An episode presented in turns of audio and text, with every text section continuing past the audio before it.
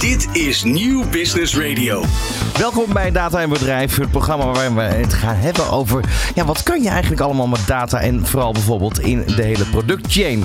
De juiste producten op de juiste moment op de juiste plaats. Een proces waar snelheid in de keten erg belangrijk van is, maar tegelijkertijd zijn er ook nog wat obstakels die voor verstoringen zorgen. Neem aan dat je ze wel kent. Corona, gebrek aan grondstoffen, personeelstekort. En dat zijn natuurlijk zorgen. Wat is er nodig om te zorgen dat we goed met deze verstoringen om kunnen gaan? En hoe gaan we om met de sterk fluctuerende en veranderende gedrag van consumenten? Vertrouwen om data te delen moet in ieder geval gemeengoed worden.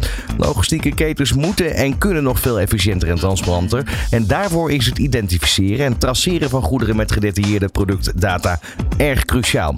Standaard, standaardisatie en productdata zijn de motor achter een efficiënte en vooral flexibele supply chain. Hierover gaan we praten vandaag met Walter Ploos van Amstel. Hij is lector City Logistics aan de Hogeschool van Amsterdam.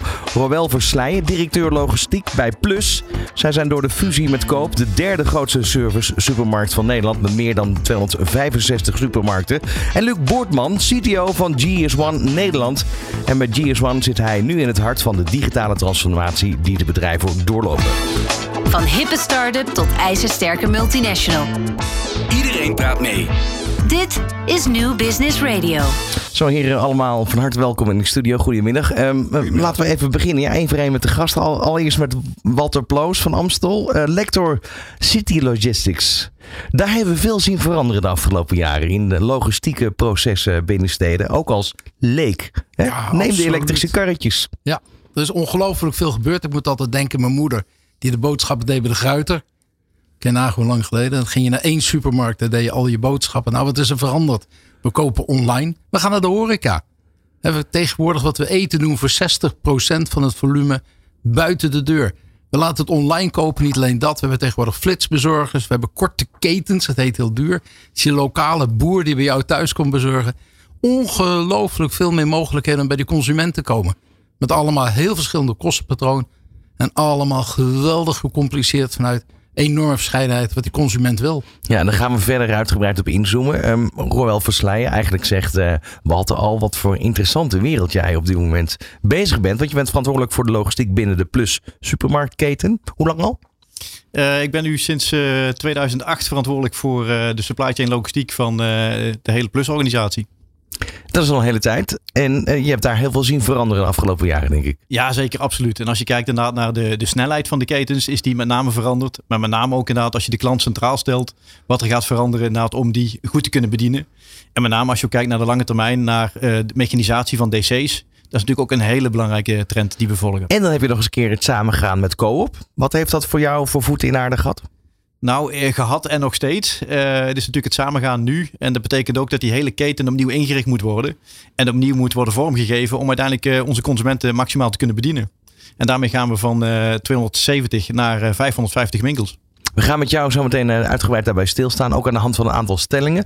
Ik ga eerst nog naar Luc Boortman, CTO bij GS1 Nederland. Um, Luc, ook van harte welkom in de studio. Dankjewel. Ja, jullie zijn er eigenlijk voor om, om te zorgen dat die data gedeeld kan worden in de hele uh, productchain, als het ware. Ja.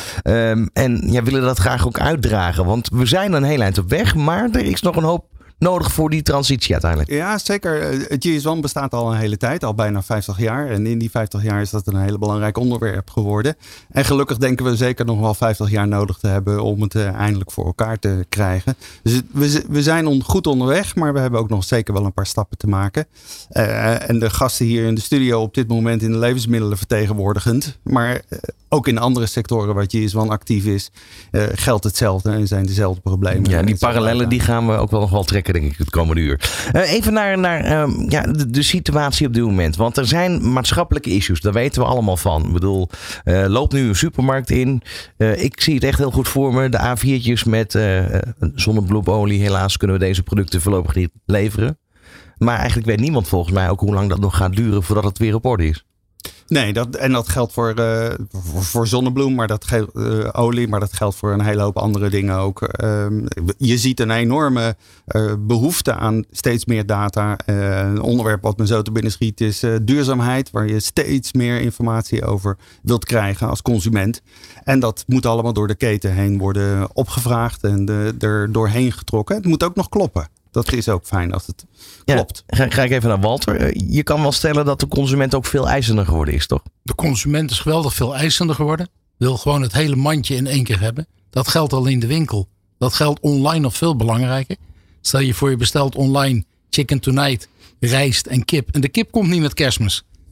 Dan zit je wel met een soort vegetarisch prakje dat, dat je niemand durft voor te zetten. Nee, de consument is geweldig veel eisend geworden. Het moet ook nog een duurzaam product zijn. We willen weten dat die verpakking die eromheen zit niet schadelijk is. We willen eigenlijk ook weten waar het vandaan komt. Je wil eigenlijk ook kijken en kunnen scannen van de melk die in mijn melkpak zit. Van welke boerderij komt die? We worden steeds veel eisender. En dan kan ik me voorstellen dat als je in een klein dorp eh, leeft en je wil uiteindelijk eh, als consument weer duurzamere producten hebben, dat je gewoon weer zegt, nou we gaan gewoon weer naar de lokale eh, groenteboer, de lokale melkveehouder, we gaan daar de producten binnenhalen. Maar in steden is dat een stuk complexer. Dat is een stuk complexer. We hebben wel initiatieven waarbij boeren uit de regio proberen de stad te leveren. De boeren van Amstel, geloof Ja, ik eh, precies. hè? Nee, qua Nou, melk betreft. Ja. Nee, dat, maar de consument in de steden is ook een hele andere. Besef bijvoorbeeld in de vier grote steden. We hebben bijna alleen maar eenpersoonshuishoudens. Meer dan 50% van de huishoudens in de vier grote steden is één persoon die eigenlijk smiddags nog niet weet wat hij s'avonds gaat doen. Die als het mooi weer is besluit ik ga lekker een park pakken met vrienden. En die een van de flitsbezorgers het bier laat leveren en zakken chips.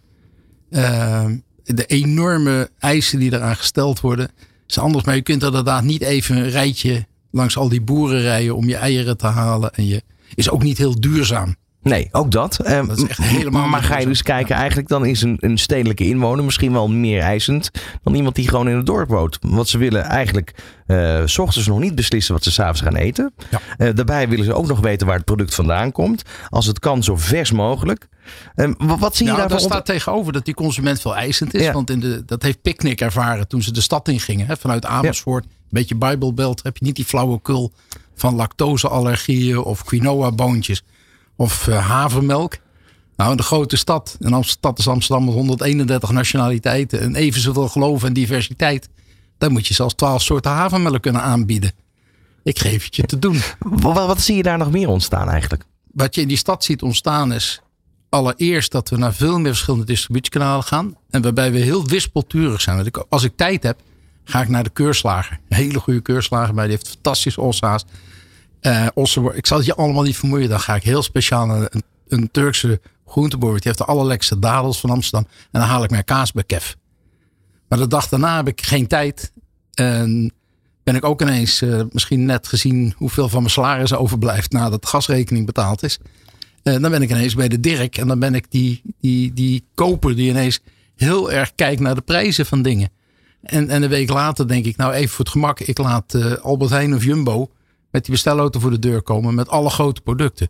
Dus we zijn verschrikkelijk onvoorspelbaar geworden in waarop we uiteindelijk een keuze maken en waar we kopen, wat we kopen en wat we bereid zijn ervoor te betalen. Ja, daar gaan we straks met de Rommel natuurlijk ook over praten. Want hij zit middenin eigenlijk de vragen van de consument. Ehm, dan eventjes, Loek, naar, naar jou. Ehm, dan heb je dus die, die veranderingen binnen de consumenten.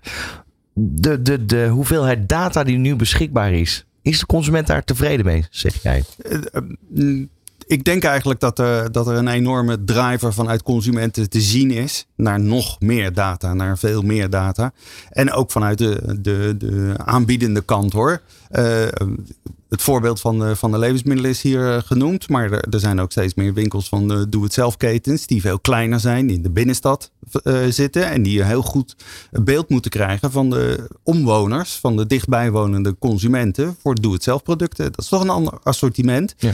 Wat, eh, eh, en assortimentsbesluit wordt dus helemaal gedreven door de data.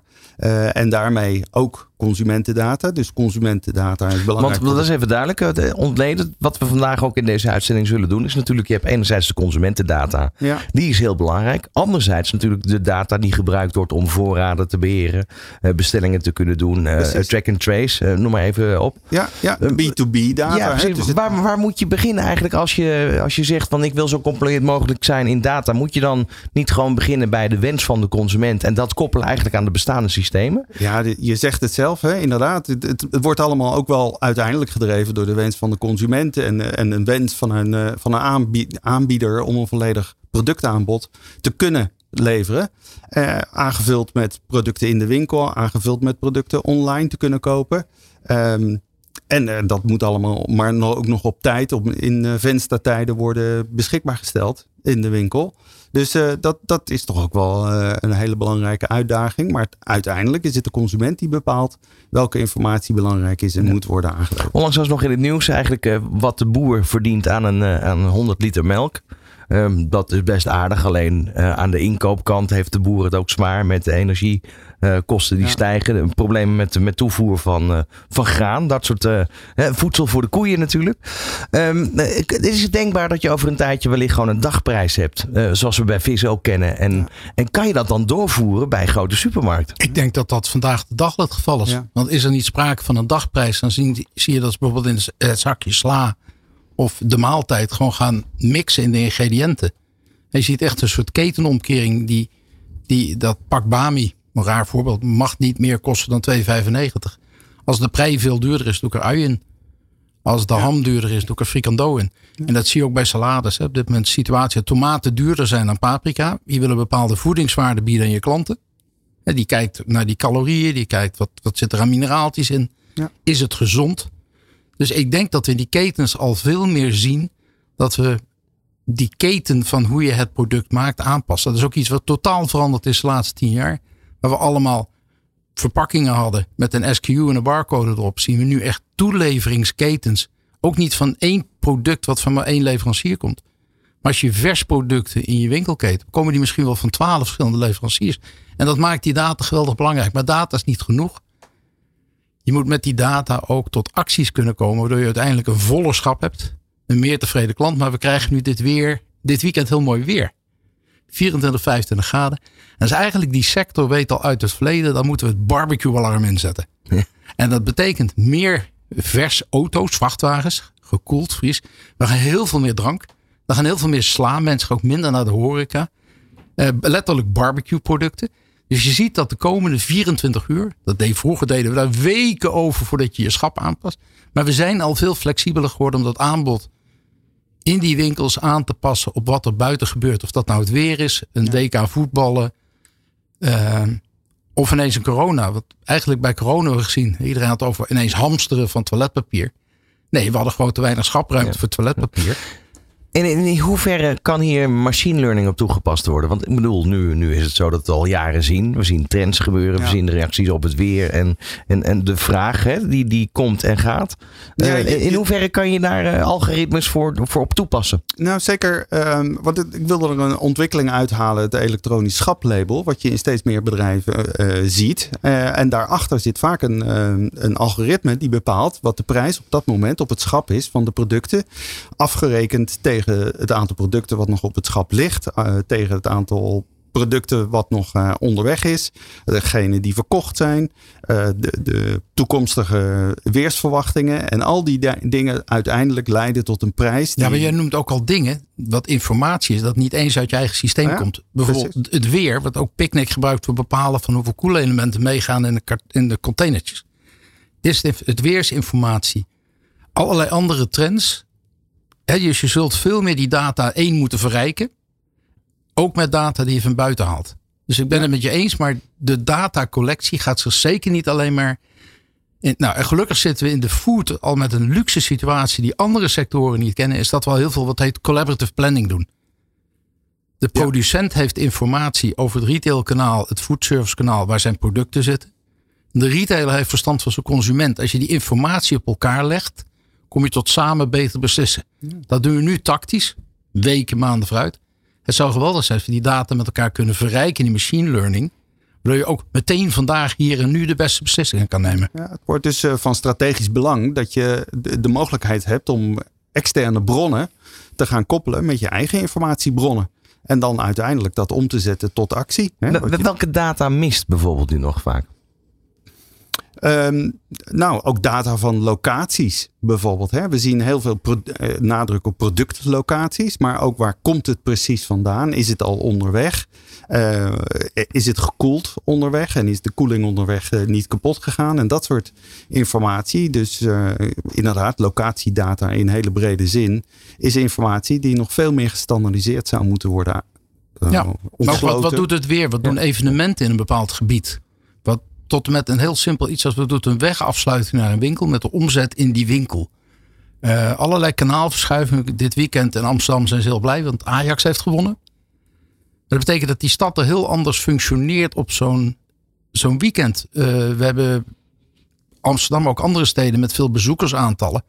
Door het weekend zie je winkels compleet omgaan naar een bijna toeristisch assortiment.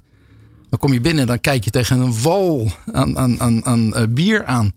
En dat soort informatie zit nu vaak in het hoofd van de bedrijfsleider. Precies, ja. He, want ons vak blijft een beetje bijzonder. Ik heb nog nooit een pallet uit zichzelf bevrachtwagen zien springen. Dat is altijd het resultaat van mensen die beslissingen nemen. En wat ik een aandachtspunt vind is qua artificial intelligence, machine learning. Zijn we op universiteiten al geweldig ver. En alle onderzoeken laten zien dat 98% van de keren de computer wint van de menselijke beslissing. Maar die laatste 2%, er is heel veel onderzoek naar gedaan, dat bijvoorbeeld nieuwe productintroducties van, blijken mensen toch net wat slimmer te kunnen tweaken. En we zullen geweldig goed moeten nadenken hoe we met data omgaan in onze sectoren. En een van de leuke dingen van nieuwe computers is dat je ook wat heet fast forward learning kan doen. Duur woord hè. Maar je kunt eh, scenario's draaien. We zijn in logistiek een beetje dom. We hebben altijd, gaan altijd naar één planningsgetal. Is, is, is, is de logistiek een, een, een traditionele sector? Ja, verschrikkelijk. Ja. We, we, leren nog les uit boekjes die 40 jaar geleden geschreven zijn. Waar maar twee dingen in staan. Kwantiteit en tijd. Nou, kijk in de wereld om je heen. Risicomanagement. Prijs en revenue. We hebben enorme arbeidsschaarste. Uh, CO2, laten we het over duurzaamheid hebben.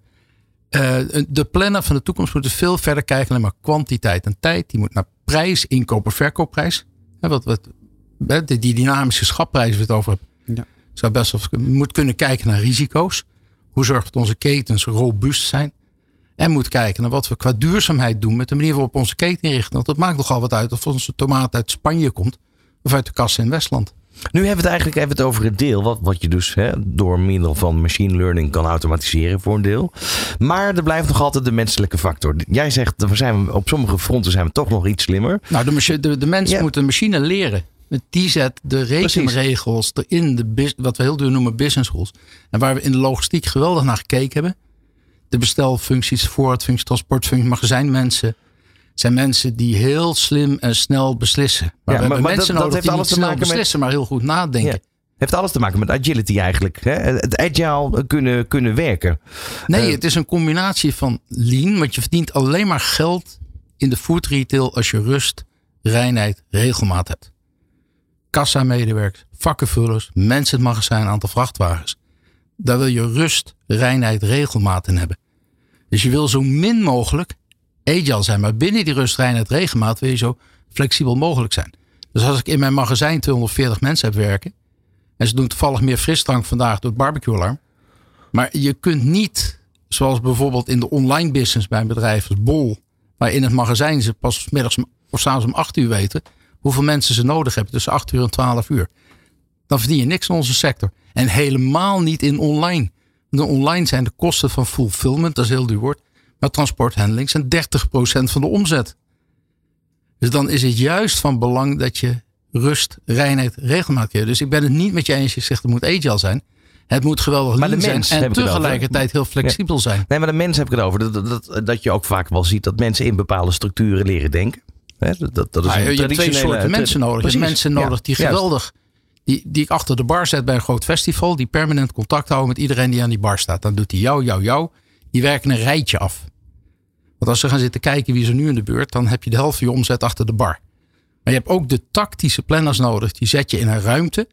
Je laat je eindeloos rekenen. Die moeten flexibel kunnen denken, toch? Nee. Niet? Dat, nee, dat moet je. Dat is gekke dat mensen. Hè, dat, als je een planner aanneemt, je hebt operationele planners van nu.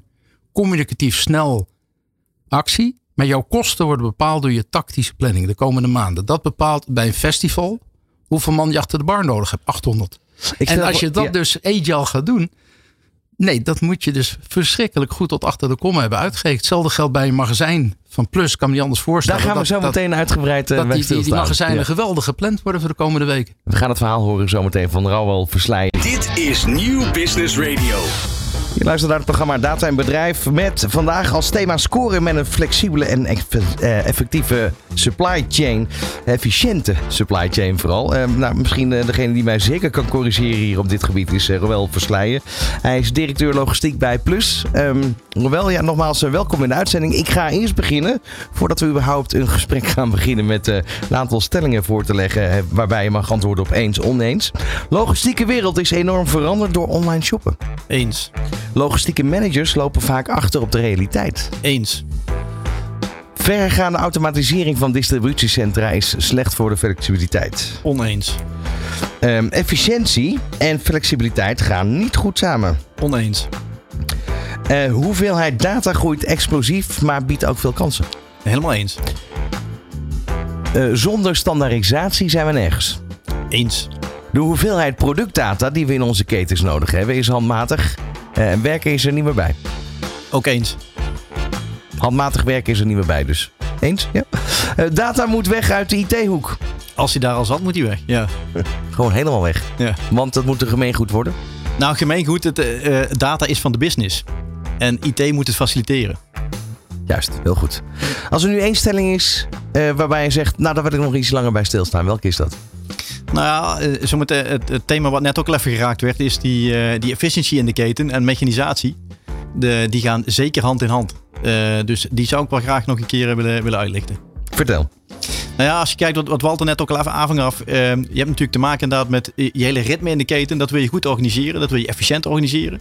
Maar je wil ook je responsiviteit behouden om te kunnen reageren op de markt. En dat is gewoon heel belangrijk. Die twee dingen, die twee elementen, die gaan heel goed samen. En die moet je dus ook allebei inderdaad op een goede manier inzetten. Daar waar het kan, moet je zorgen dat je de standaard organiseert en je planning uh, strak maakt. En aan de andere kant moet je zorgen dat je kunt inspelen op de markt en je flexibel, uh, flexibel kunt, kunt inzetten. Ja. Um, we begonnen deze uitzending ook wel eventjes over de, de problematiek die er op dit moment is. De uitdagingen, net hoe ik het wil zeggen. Uh, de pandemie. Ja. Tekort aan grondstoffen. Maar niet te vergeten, tekort aan personeel. Hoe is dat bij jullie? Nou, het zijn beide natuurlijk uitdagingen. Als je kijkt naar het wereldwijd, uh, artikelen zijn gewoon niet verkrijgbaar of zijn uh, heel lastig verkrijgbaar. Dat zet die hele supply chain ook in een heel ander daglicht. Want als product A niet verkocht kan worden, dan wordt product B gevraagd. Dus je ziet ook dat daar een hele beweging in zit. Um, daar proberen we ook heel goed op in te spelen. En als je kijkt inderdaad naar beschikbaarheid van mensen. Op korte termijn proberen we inderdaad ook vanuit andere sectoren mensen hierop in te zetten. En voor de langere termijn zijn we ook bezig inderdaad met verregaande mechanisatie van processen. Om uiteindelijk inderdaad ook die mensen die we nodig hebben op plekken in te zetten. Daar waar we ze echt kunnen gebruiken. En processen die we kunnen mechaniseren. Ook die op die manier te mechaniseren. Zodat we daar minder arbeid voor nodig hebben. kan, kan je daar eens wat over uitleggen? Over die, die te mechaniseren processen die nog niet gemechaniseerd zijn? Jazeker. Ik bedoel, als ik kijk inderdaad naar uh, de standaarden die we hebben binnen onze kruidenierswaren. Die, uh, die zijn, de producten zijn met name inderdaad standaard. Doordat we, uh, en op die manier kunnen we ze ook heel goed inderdaad mechaniseren. Dus we zorgen in ieder geval dat het hele verzamelproces wat we straks in het magazijn hebben. Ook op een verregaande manier kunnen mechaniseren. Zodat we uiteindelijk zonder tussenkomst van onze medewerkers straks producten op de rolcontainers kunnen plaatsen. En dus in de auto kunnen plaatsen. Zodat we ze uiteindelijk nog wel met chauffeur transporteren naar de winkel. Dat is de menselijke factor uh, waar we nog even bij stil blijven staan. Want we hebben het er net ook al over gehad. De consument is ook erg aan het veranderen. Um, ja, die staan steeds meer aan het roer. Want je zal wel mee moeten. Hoe gaan jullie daarmee om? Nou ja, dat, dat is wat ik net ook al aangaf. Inderdaad, als je kijkt naar die veranderingen. We moeten kunnen zorgen dat we inspelen op, uh, op die veranderingen. Zodat onze supply chain inderdaad echt responsief is. Wat we gezien hebben in het begin van de pandemie. Je zag inderdaad dat uh, de horeca gaat dicht. Dus er gaat heel veel volume naar, uh, naar de, de retailsector toe. Daar moet je echt kunnen opschalen. En uh, ook de, de verplaatsing van het, het reguliere winkelen naar het, het online. Daar moet je op kunnen schakelen. Zodat je uiteindelijk weet wat de klantbehoefte is.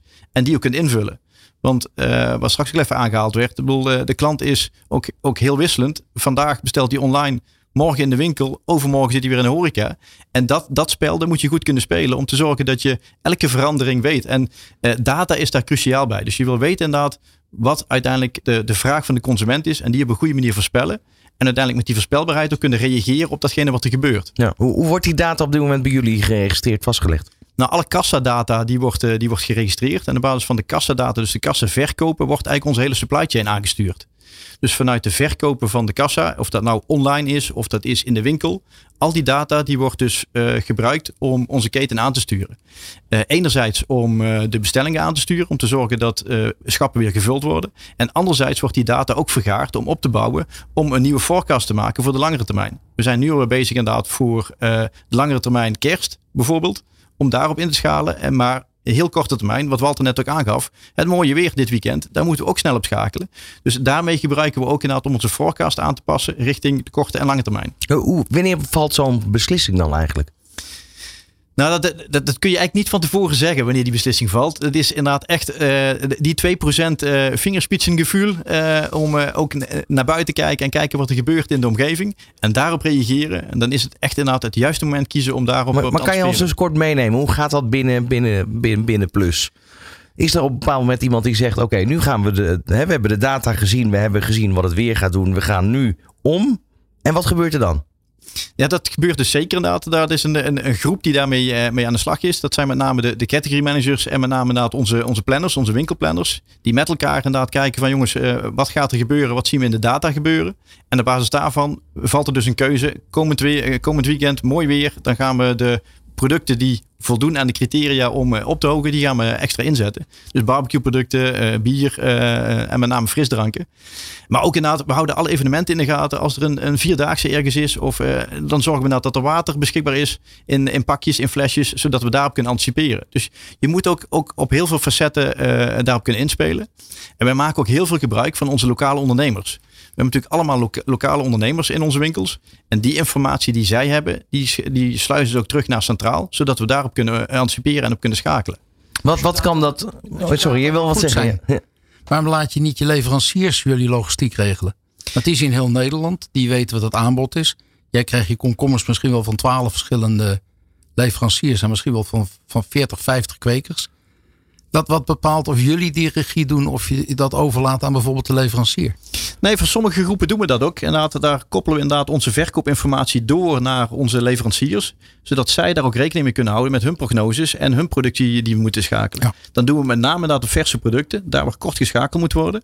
Voor de lang houdbare producten, daar pakken we zelf de regie en zetten we inderdaad ook uh, onze DC's uh, vol of minder vol met die producten. Ja, en als nou eens iets fout gaat met die komkommer, hoe kun je dan terugtraceren van wie die kwam? Die is helemaal te traceren op basis van de data en de koppelingen die er eh, naar de vast liggen aan, de, aan het artikel. Dus die komkommer die ik bij jou koop, die is uniek geïdentificeerd? Of die, die, hoe gaat dat? Nee, die is niet uniek geïdentificeerd. Die heeft een unieke code. En middels die code, code en middels het proces wat erachter zit, kunnen we hem helemaal terugtraceren. Oké, okay, gelukkig. Ja. dat is goed nieuws. En nu ben ik wel ook wel benieuwd naar uh, wat kan dat doen met de concurrentiepositie? Op het moment dat je uh, dit op een andere aanvliegroute uh, hanteert dan bijvoorbeeld de concurrent. Nou, dat kan je inderdaad echt een concurrentievoordeel geven. Zodat je in ieder geval uh, het meest belangrijke wat, wat telt in de, in de supermarkt is beschikbaarheid. Beschikbaarheid op het schap of beschikbaarheid online. En daar waar je het verschil kunt maken en een extra voordeel kunt pakken, ja, dan ben je, ben je spekkoper in, de, in deze markt. En eigenlijk kan jij daar dus als uh, eindverantwoordelijke uh, een flinke rol bij spelen. Daar kan ik een heel belangrijke rol in spelen, ja. ja, Door, door innovatief je distributiecentra's in te richten. Ja, absoluut. Ja. En uh, enerzijds innovatief, maar anderzijds natuurlijk ook kosteneffectief. Dat is de andere kant. Uh, bedoel, beschikbaarheid, die, die, kun je organiseren. Maar uiteindelijk kosteneffectief, dat is de andere kant van de medaille. Die kan je ons eens meenemen naar uh, eigenlijk het, het huidige probleem wat we nu hebben. Hè? Door de crisis in de Oekraïne, de oorlog daar, uh, is er heel veel tekort aan zonnebloemolie. Dit is een van de eerste dingen die we al meteen als consument zagen in de supermarkt. Hoe, ging dat? Hoe verliep dat bij jullie? Want op een gegeven moment weet je, nou mijn voorraad is op en nu? Ja, uiteindelijk um, voordat je daar uh, zicht op hebt, ga je natuurlijk kijken naar wat gebeurt er inderdaad voor de langere termijn. Hoe zit het met onze contracten die we hebben? En op basis daarvan ga je dus kijken wat betekent dat uiteindelijk voor de afspraken die we hebben. En hoe kunnen we daarmee inderdaad onze, onze beschikbaarheid borgen. En ga je ook kijken naar wat zijn de alternatieve scenario's. Want het is niet alleen het product zonnebloemolie zelf, maar ook inderdaad, in welke producten zit het allemaal verwerkt. Dus je gaat op basis van de data die je beschikbaar hebt, ook die hele uh, boom van uh, artikelen en artikelstructuur napluizen. Zodat je weet inderdaad in welke sectoren en in welke uh, andere producten het consequenties heeft. En daarvoor is het handig dat een partij dat allemaal voor jullie eigenlijk verzamelt. Juist. Dan komen we bij Loek uit. Precies, dat is uh, een, een, belangrijke rol die we spelen in de levensmiddelensector. We hebben een uh, grote database uh, gebouwd die de mogelijkheid biedt om op basis van GTINs, maar ook op basis van artikelcodes. GTINs zijn artikelcodes, maar ook op basis van ingrediënten de database te doorzoeken en te kijken waar zonnebloemolie allemaal in voorkomt. En wat er eigenlijk voor mogelijkheden zijn voor alternatieve artikelen. Ja, want we maken al langer programma's met GS1, waarbij we natuurlijk ook gewoon hebben hebben gehad over de barcode. Daar zit heel veel achter. Daar zit die data gekoppeld eigenlijk, toch? Ja, klopt. Uh, je, kan je voorstellen dat uh, de artikelcode een sleutel is naar alle informatie die daarachter allemaal beschikbaar is. In het kassasysteem, in, in systemen van leveranciers, in systemen bij ons en op nog veel meer plekken. Uh, die hebben allemaal de gemeenschappelijkheid dat de 13 cijfers die op producten staan sleutel zijn, ook in hun bestanden. En op die manier kan je makkelijker bronnen aan elkaar koppelen. Uh, omdat je zeker weet dat het allemaal over hetzelfde product gaat. Ja, en die bronnen aan elkaar koppelen, dat is eigenlijk iets wat nu op dit moment nog volop in, in gang is. Hè. Er komen steeds meer wensen. We hadden het net al even over het voorspellen van het weer. Dat kan je weer koppelen aan de data die al voorhanden is. Ja, en daarbij is het uh, heel belangrijk dat we uh, een ontwikkeling zien die uh, er naartoe leidt dat je steeds meer gedistribueerde databestanden krijgt. Hè? Waar je nu alles probeert centraal op één plek te krijgen, zie je steeds vaker dat je de bron van de gegevens bij de bedrijven laat. En dat je door al die bestanden heen een uh, zoekindex gaat creëren om te vinden waar jouw gegevens zitten. En dat heeft een heel groot voordeel dat je niet alles kopieert naar een centraal bestand en met kopiëren weer uh, fouten kan introduceren, maar ook dat het dicht bij de bron blijft en daarmee uh, kwaliteit maar van de data. Je biedt dus een soort abonnementsysteem. Je hebt, je hebt 100 grote retailers, je hebt 600 groothandels in Nederland, die hebben allemaal een SAP-achtige software. En dan moet je voor ieder product 180 velden invullen. Dat noemen we masterdata. Ja. Nou, met 20.000 artikelen uh, maal dat. En de, de wijzigingen, praat je over miljoenen wijzigingen. Ja, Daar kan ik me gewoon op abonneren. Dat, dat één iemand houdt dat bij. Ja. En dan is mijn systeem meteen bij. Ja, absoluut. Dat, dat, is wel uniek. Want als je kijkt bij bol.com, dan hebben ze een Plaza-model. Ja. Meer dan 20.000 leveranciers. En ja, dat is één grote bende. En, en het, we hebben het ook niet alleen opgezet voor de levensmiddelen, maar ook in de Doe Het Zelf. En daar gaat het zelfs over 4000 uh, artikelgegevens. 4000? In de gezondheidszorg, waar uh, ook heel veel ja, natuurlijk. Want daarbij begint je data kwaliteit en integriteit volgens mij. Ja. En dan kunnen we, dan, dan is in principe wordt het makkelijker schakelen. Ja. En dat doe je ook voor dat kratje wat terugkomt uit de winkel. Want je hebt dat CBL-fust, duur ja. woord, bij die, die groentekrat en die broodbak. Ja, wij noemen dat dan emballagegoederen. Dus inderdaad, uh, statiegeldgoederen. Allemaal uh, informatie die uh, moeten worden verzameld, ook over de retourstromen. Ja. Want die broodbak is veel duurder dan die vijf broden die erin zitten. Nou, even terug naar, naar Roel. Um, wat, wat, zijn bepaalde lessen waar je in het verleden veel van geleerd hebt, waardoor je nu eigenlijk niet meer tegen een bepaalde problematiek aanloopt? Kan, kan je daar iets van benoemen? Want we hebben enerzijds die consument die steeds meer eist, uh, maar ook weer uh, de coronapandemie heeft op zich al voor een versnelling gezorgd. Nee, dat klopt. Als je kijkt met name richting data, dan is het met name de uh, kwaliteit van data die we uh, steeds verder moeten verbeteren. En we zien ook inderdaad met de vergaande mechanisatie die we toepassen, dat die kwaliteit van data gewoon steeds belangrijker wordt. Als dat artikel gewoon niet goed is qua afmetingen of uh, qua gewicht, komt die gewoon niet door de hele keten heen. En dan verstok je hele keten. Dus het begint inderdaad echt bij het maken inderdaad van die basisdata. Dat is één. En twee, inderdaad, het koppelen van alle informatie. En zorgen dat we op alle plekken de juiste informatie beschikbaar hebben. En daar dus ook op kunnen reageren het beste wat we geleerd hebben inderdaad in de afgelopen pandemie is uh, het kunnen op- en afschalen op basis van de uh, evenementen die er buiten gebeurden. En of dat dan een, een uh, aankondiging is van een lockdown of, of juist omgekeerd. Je moet daar dus op kunnen schakelen en alle informatie in de keten dus beschikbaar hebben om daar op te kunnen inspelen. Wat zie jij voor ontwikkelingen nog meer? Nou, wat ik heel benieuwd naar ben, is hoeveel mensen werken bij jou in het magazijn? Nu op dit moment uh, in onze KW-DC's uh, ongeveer 1200. 1200. Dan heb je 350 vrachtwagens iedere dag komen. Ja. Dus dat moet naadloos op elkaar zijn afgestemd. Als ik de cijfers pak uit de sector, dan zie je dat er 55% van de tijd chauffeurs aan het wachten zijn bij die distributiecentra. We hebben ongelooflijk tekort in het magazijn, in de transportsector. Hoe zouden we nou slimmer met data kunnen omgaan dat die, de helft van de chauffeurs in Nederland niet meer nodig is? Nou, dat is ook een van de dingen waar wij nu volop mee in ontwikkeling zijn. Om te zorgen dat we de planning van de ontvangsten met name op een goede manier kunnen inzetten. Zodat de leveranciers zelf een tijdslot kunnen plannen. Ja. Dus we zetten een, een vrij ruim tijdslot open. Zodat de leverancier zelf op basis van zijn eigen planning ook een slot kan kiezen. En dat slot past dan weer bij onze En efficiënte welke productie. datastandaards kan je dan daarbij gebruiken? Die je zo uit de kast kan pakken? Is dat een, een ontvangstbericht? Is dat een ETA uit een transport? Ja, dit is het ITA inderdaad wat we gebruiken. Maar met name ook het DESADV. DESADV-bericht. Wat is dat? Nou ja, daar zit inderdaad in principe alle informatie in wat die vrachtauto bevat. Als je weet wat er aankomt, hoeveel tijd jij nodig hebt in het magazijn, zodat die 1200 mensen effectief kunnen werken. Juist, ik, ik heb nodig inderdaad, eh, ik moet weten hoe laat hij aankomt, wat hij bij zich heeft en wat het mij aan tijd kost om te verwerken. Dan kan ik mijn planning vooraf al inzetten. Ja. En hoe maakt dat mij nou efficiënter als transporteur? Nou, eh, zodat ik een vrij ruim tijdslot kan bieden, kan hij zijn eigen planning daarop aanpassen. En op het moment dat ik ga zeggen dat hij per se om eh, half elf bij me moet zijn, dan gaat hij zijn planning maken. Want ik moet er per se om half elf zijn, dus dan zorg ik maar dat ik er om tien uur al ben. Eh, oh, er zit nog file voor, dan rijd ik maar om half tien. Dan Want dat is wel interessant wat je nu zegt. Files, onverwachte opstoppingen onderweg. Hoe, hoe kan je dat in je planning, zeg maar, op een, of andere manier flexibel inbedden? Nou, ook weer op basis van informatie. Ik bedoel, eh, op het moment dat we weten dat een auto stilstaat, dan zien we dat ook in onze, in onze, onze planningen. Dus eh, bijvoorbeeld de dinsdag en de donderdagochtendspits, die mijden jullie. Bij mij dus sowieso de spits. Ja, maar even tussen dat gros van de ja, ja. files zijn perfect voorspelbaar. Ja, dus die incidenten, die kun je, als het goed is, zie je die gewoon op je scherm. Ja. En dan berekent hij een nieuwe, hoe laat ben ik er? Dat. En we zien dat dus van alle auto's. En er gebeurt altijd wel ergens iets. Dus we kunnen ook gewoon wisselen. Zodat we de auto die gepland stond, die komt niet op tijd aan. Maar dan kan een andere auto kan wel in dat tijdslot vallen. En, en degene die te laat is, die schuiven we weer in een, in een andere. Dus we zijn continu bezig om die planningen Het is op toch een elkaar af te sport op zich eigenlijk. Ja, dat is, dat is topsport. Maar wel leuk. Maar hoe zorg je dan dat je een topteam krijgt? Nou ja, dat is natuurlijk een, een, een hele grote uitdaging. Zeker nu met beschikbaarheid voor mensen. eh, om te kijken naar hoe je op een goede manier ook aantrekkelijk eh, werkgever kunt zijn. En nou goed, als ik kijk inderdaad naar eh, eh, ons als organisatie, de beste supermarkt van Nederland, ja, dan wil iedereen daar heel graag werken. Ja, zelfs ik. Ja, precies.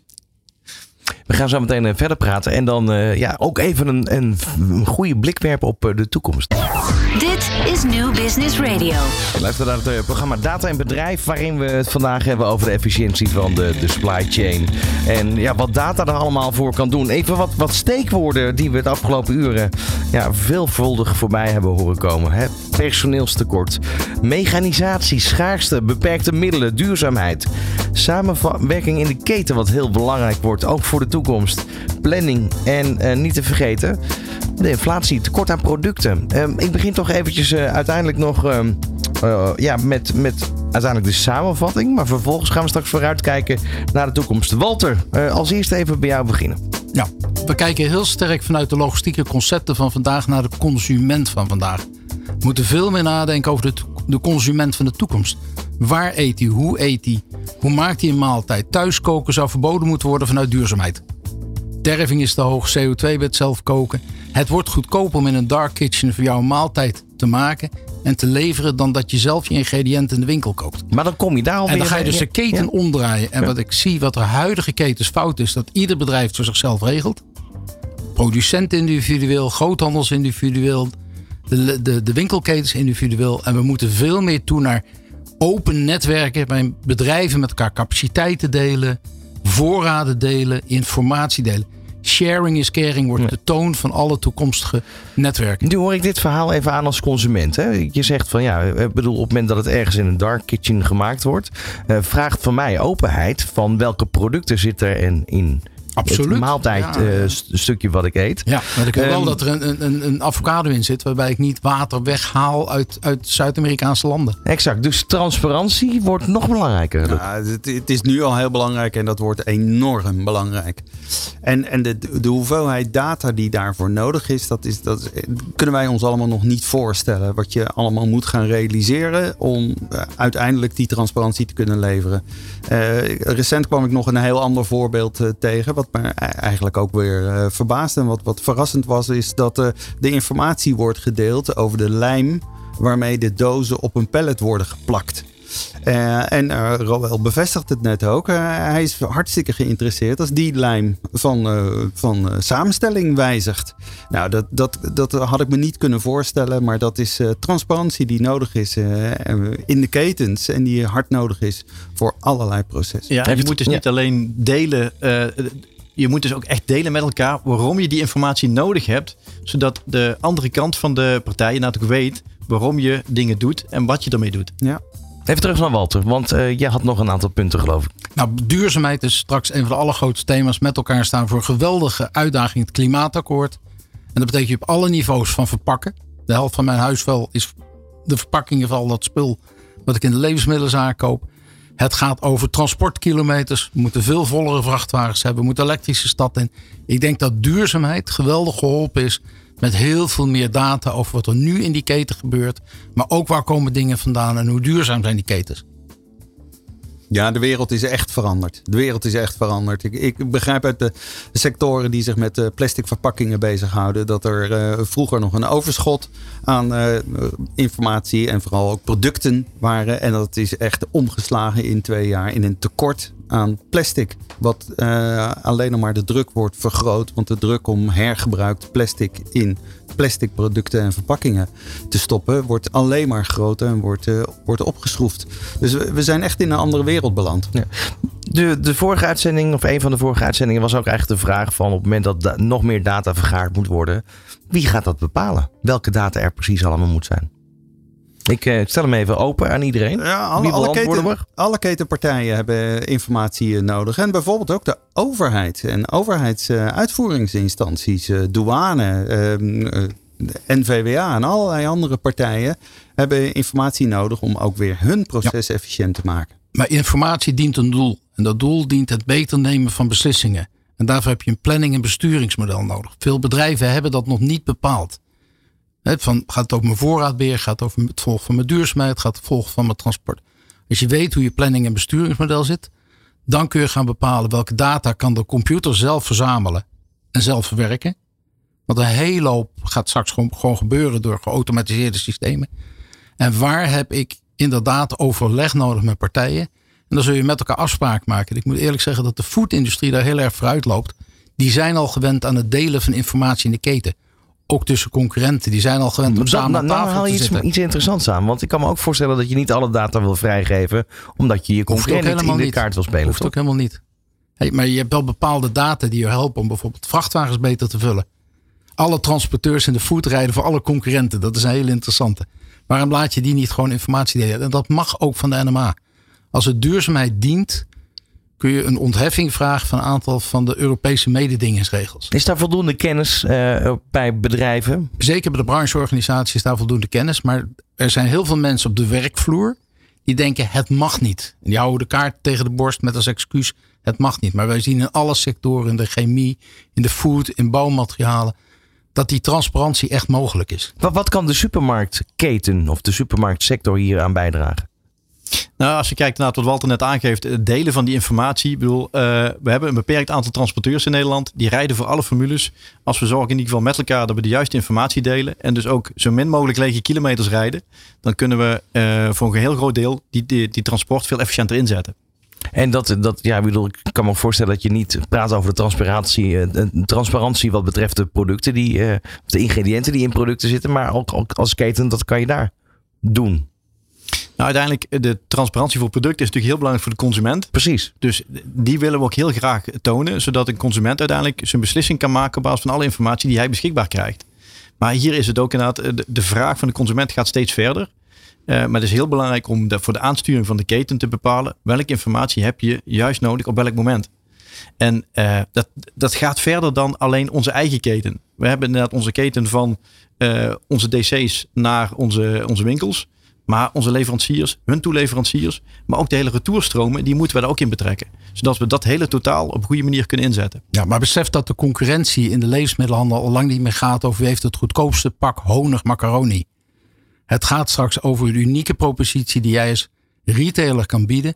En je zult zien dat de komende tien jaar er ongelooflijk onderscheid gaat komen door retailers met de consument omgaan. Met welke profilering, naar welke marktsegment. Het feit dat nu iedere retailer dezelfde 18.000 producten in zijn winkel heeft liggen. Dat gaan we over tien jaar echt Maar gaat, het niet voor een groot deel ook op basis van het vertrouwen die een consument uiteindelijk eh, weer wellicht teruggeeft aan de supermarkt? Absoluut. Ik denk dat Is- is het- daar niet voor, voor mij zit. Ik, ik ben. eh, ik ga altijd naar dezelfde winkelketen. Nu werd het stil. Stil, want eh, ik heb geen plus in de buurt. Maar, maar je kiest op basis van het gevoel, op basis van ben ik er veilig, krijg ik goede producten, krijg ik gezonde producten, is het er? Dat is een totale ervaring. En ik denk dat in die ervaring de retailers in de komende jaren echt moeten gaan nadenken. Wat onderscheidt mij in die buurt ten opzichte van de speciaalzaak? Of misschien moet je wel samengewerkt met de speciaalzaak. Nee, dat klopt. En, en zeker inderdaad als je kijkt naar lokale ondernemerschap. Waar wij natuurlijk heel sterk in zijn bij onze, onze pluswinkels. Daar zitten allemaal lokale ondernemers.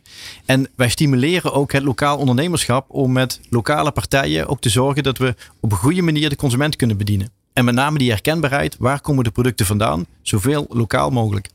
Dus dat is, dat is eigenlijk eh, ja, iets wat in corona natuurlijk heel veel benoemd werd. Koop lokaal. Is dat iets wat, wat jullie hebben overgenomen of, of daarvoor al mee bezig waren? Daar waren we daarvoor al mee bezig, maar is wel verstevigd. En we zien ook inderdaad de, de manier waarop we daarmee omgaan. Dat we dat op een veel professionelere manier doen. Door ook hier weer op basis van goede informatie eh, alles te delen. En ook daar waar we succes hebben in één regio, dat we kunnen toepassen door het delen van informatie in andere regio's. Zo leren we heel veel van elkaar. Dat is dus prachtig. Want dan heb je dus iedere winkel met een eigen assortiment, eigen aanbod, eigen leveranciers. Kun je nagaan hoe belangrijk dan data zijn. Om te zorgen dat die keten in een situatie komt van rust, reinheid, regelmaat. Anders verdien je niks. Heel duidelijk. Ik ga nog even naar Loek. Ja, zeker. Want eh, als ik dit verhaal hoor, dan, dan zie ik de parallellen met allerlei andere sectoren waar ook eh, vertrouwen vanuit de eh, winkelketens, vanuit de brands moeten worden opgebouwd en moet worden ondersteund met informatie. Hè? Als je naar de, naar, de, naar de kledingketens kijkt, dan zullen die ook veel meer informatie moeten delen over wat er gebruikt is aan chemische middelen bij het kleuren van de, van de wasmiddelen of van de, van de kledingmiddelen. Eh, en ook welke combinatie van wasmiddelen en wasverzachters je kan gebruiken om je kleding weer schoon te maken. Dat is allemaal informatie die nu eh, misschien beschikbaar is, maar op een, op een hele gedifferentieerde manier en heel erg verspreid over allerlei plekken. Ehm, en, en, en straks zullen brands daarop worden afgerekend door consumenten. Hoe, hoe zit het eigenlijk met gebruik van software? Is, is de software allemaal eh, compatible aan elkaar? Of is daar ook nog heel veel te winnen? Want dat, hebben we ook in, in eerdere uitzendingen gehoord. Dat daar natuurlijk ook een, een, een ja, daar, daar frikt het ook nog wel. Ja, dat, dat, dat veroorzaakt nu eh, problemen omdat de informatie dan misschien wel in een systeem zit. Maar notoir is de moeilijkheid om het eruit te krijgen en te gaan delen. En, en een goede definitie vast te leggen van watgene heb je nou eigenlijk opgeslagen. En eh, we hadden het net over ah, eh, momenten en eh, aflevertijden. Als je met elkaar niet dezelfde definitie hebt van een eh, aflevertijd, dan kan je de informatie gaan uitwisselen, maar klopt het toch niet. Eh, en komen die eh, vrachtwagens toch op onverwachte momenten voor je, voor je dokpoort te staan. Nou, dus er zijn nog allerlei problemen, ook in software en ook in definiëren van data, om het straks soepeltjes te laten Ja. verlopen. En daarbij helpt natuurlijk wel enorm dat we een standaard hebben in de data. En uiteindelijk kunnen alle systemen dezelfde standaard aan. En daar kunnen we dus wel op programmeren. Maar is, is het zo dat in, in de hele keten men nu naar elkaar wijst? eh, van jij moet dit, jij moet dat. Wie, wie, wie is de voortrekker? Wie, wie gaat dit vlot trekken? Nou, er wordt natuurlijk wel gekeken, en dat is wat, wat Walter net ook zegt. ehm, we moeten heel goed kijken welk, welk doel dient de informatie. En uiteindelijk, als je je hele proces goed in op orde hebt, dan kun je op basis van die processturing ook je data organiseren. En dan ga je vanzelf trekken aan die hele keten. En uiteindelijk, eh, de consument is daarin de baas. Nou, je hebt drie dingen nodig. Pijn. En die heb je niet in deze sector. Nog niet. Tot die flitsbezorgers ineens 5% van de markt pakte. Ja. Wij denken Ja. veel te veel symmetrisch. Ik kom bij Defensie wel aan. Symmetrisch was Napoleon tegen wie hadden ze als vijand de Russen. Dezelfde manier van vechten, dezelfde strategie. Dus, eh, Oorlogsvoering is de- asymmetrisch geworden. Ja. De disruptors, de Black Swans. Ja. En ik denk als dat gebeurt, dat hebben we gezien bij de oprichting van ECR, Fisher Consumer Response, een jaar of 30, 40 geleden. Toen zagen we ineens Lidl en Aldi in de markt kwamen. Grote paniek bij de aanmerken, grote paniek bij de grote levensmiddelenketens. En toen zijn ze met elkaar gaan samenwerken om al soort afspraken te maken. Want zij moesten een operatie gaan maken die even goedkoop was als Lidl en Aldi. En eigenlijk slimmer was om die klant beter te bedienen. Nou, dat ga je nu weer zien. De grote concurrenten, als je alle rapporten leest van food, serv- eh, food eh, Service Instituut Nederland en andere grote onderzoeksorganisaties. Die zien enorme veranderingen in die foodmarkt. In away from home, in op kantoor eten, dark kitchens, ehm, de hele ontwikkeling met flitsbezorging. Ik denk dat die sector echt klaar is voor een nieuwe wake-up call van... eh hey joh, de- de- ze eten de kaas van je brood. Om het maar even in voettermen te zeggen. Maar goed, dan kom je op iets. Vaak zijn dit soort Ja, partijen maar even, je begint dus met Ja, pijn. Precies. pijn komt Pijn. dan met een visie. Die ontwikkelen wij hier met z'n allen met de voeten op tafel in de middag. En dan is de, de, de hele lastige stap om dat te vertalen aan hele kleine stapjes. Waarbij iedereen tegelijkertijd aan de volgende finish is. Want er heeft geen enkele zin als er eentje met, met 20 km per uur gaat rollen. Een ander nog zes stappen achteruit moet zetten. En denk, oh, waar is de ander? Want je moet met de hele sector wel klaar zijn qua datakwaliteit, qua systemen, qua kwaliteit van mensen, qua opleiding van mensen. Dus er best een hele hoop stappen te zetten. Dus we doen misschien wel makkelijk erover. Maar daar hebben we ook wel een paar jaar voor. Het Maar is zo- zo- zo'n flitsbezorger is over het algemeen is wel wat duurder. Wat, wat zegt dat? Dat de consument daar toch eh, bereid toe is om gewoon die extra euro's neer te leggen. Je ziet twee dingen. Eén, de consument vindt het geweldig. We zien ook de gemiddelde orderwaarde bij de flitsbezorgers van 10 euro naar 20 euro. De retentie is ongelooflijk hoog. Mensen bestellen drie keer per week bij de flitsbezorger. Omdat ze Albert Heijn Jumbo en al die anderen die thuis bezorgen, dat duurt te lang en je moet te ver van tevoren. En mensen zijn bereid er iets meer voor te betalen, voor dat gemak. En dat is best iets veel meer, want de gemiddelde bruto marge in de, de, de food retail zit tussen 22 en 24 procent. En met het individueel maken van aanbod. Ik krijg een ander biertje aangeboden dan jij. Als je die app opent.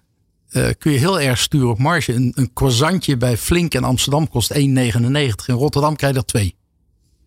Dat is wel bijzonder, toch? Heel bijzonder. Ja. Maar dat, dat is juist de kracht inderdaad om op basis van die informatie ook je hele keten aan te sturen. En dat is ook je verdienmodel daar te kunnen beïnvloeden. Heb je daar nog een keer overheen om momenteel de inflatie? Dat is natuurlijk ook een enorme uitdaging, want eh, daar, de prijzen worden enorm opgedreven. Ik kan me voorstellen dat dat het gedrag van consument nog veel sneller zal doen veranderen. En dat je eh, jezelf beschermt om niet meer naar de supermarkt te gaan, maar online te bestellen. Want dan weet je dat je al die producten die, waar je langs loopt, denkt, oh die neem ik ook even mee. Je gaat gerichter bestellen. Ja, je ziet natuurlijk ook een verandering. Dat, dat zie je altijd. Inderdaad ook een verschuiving tussen horeca en, eh, en eh, retail. Dus eh, de, de supermarkt. En binnen de supermarkt zie je ook weer een verschuiving van de, de duurdere merken naar de, de huismerken. Of, of nog zelfs lager. Dus uiteindelijk op die manier zie je ook wel een verschuiving inderdaad in het assortiment. En ook in de, in de vraag naar die producten. We hebben geen idee wat er gaat gebeuren. We weten één ding wel. Is je moet de vinger aan heel veel polsen houden. En, en eh, in je eigen organisatie ook een aantal, ik zal maar zeggen, de kanariepietjes aanwijzen. Wat zijn de data die voor ons wijzen op een tipping point? Ja, en het, het is met de kennis van nu, ga je iets ontwikkelen voor, voor morgen. Eh, Dat is volgens mij nog het meest moeilijk, omdat die ontwikkeling zo snel gaat, toch? Ja, die is heel moeilijk. Daarom is het ook, ook zaak inderdaad om je ketens zo responsief mogelijk te maken. En te kunnen anticiperen op al die veranderingen die er gaan komen. Want eh, alle zaken die we de afgelopen twee jaar hebben langs zien komen, die hadden we vijf jaar geleden niet kunnen voorspellen. Ik wil eh ja, Roel wel eh, in ieder geval hartelijk danken voor de komst naar de studio. Dat geldt natuurlijk ook voor Walter Ploos van Amstel, lector City Logistics aan de Hogeschool van Amsterdam.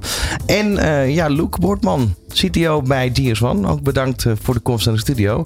Een ontwikkeling die nog lang niet klaar is. Dat is volgens mij duidelijk en heel interessant om te blijven volgen. Dat gaan we ook doen.